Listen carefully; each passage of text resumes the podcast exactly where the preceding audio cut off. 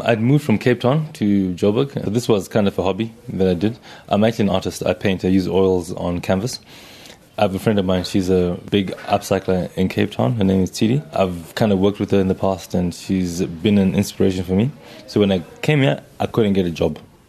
So I started um, making some products, and then asked Tidi also to help me out with some products from Cape Town.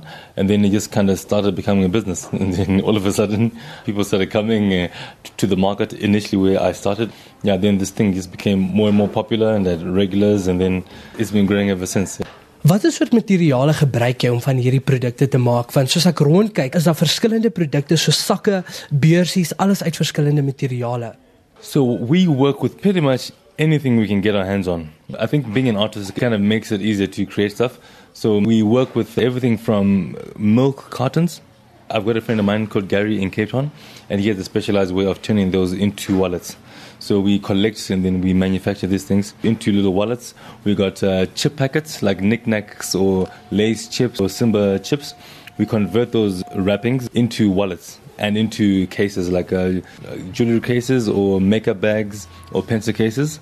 We also use like cans. We convert that into like animal figures, animal heads. We also use billboards. So like a lot of our bags, instead of getting canvas lining, we use billboard as our lining. which is actually better because billboard is actually much stronger than canvas anyway and it lasts longer. Wat is van die mees populêre produkte en vat dit lank om hierdie produkte te maak? Yeah, so actually the funny thing is the, the most popular thing is this NikNak wallets we make. It's like an iconic thing for us guys now. Yeah, so we, but also lately these animal heads we make from Coca-Cola cans and stuff have picked up a huge popularity and especially with the tourists that are coming in a lot. Yeah, they're also selling very very well. But we also have this wonderful range of computer motherboards. We convert that into jewelry.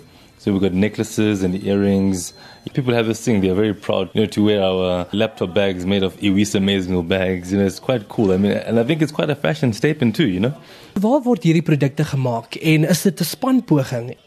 We have a small production unit in Joburg. in the city. There's a lady that I, I, work closely with. So obviously I can't sew everything all the time. So what I do is I cut out the, the patterns mostly and then I have them kind of sew for me because it's just it's a lot of sewing. It's, and then I also have a um, group I work with based in Germiston where we work out designs and, and, we do some of the bags there too.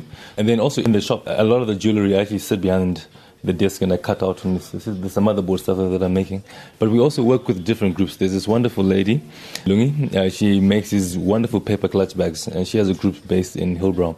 I source from her her work is amazing. And these paper clutch handbags made of newspaper, they're super strong. They're totally amazing.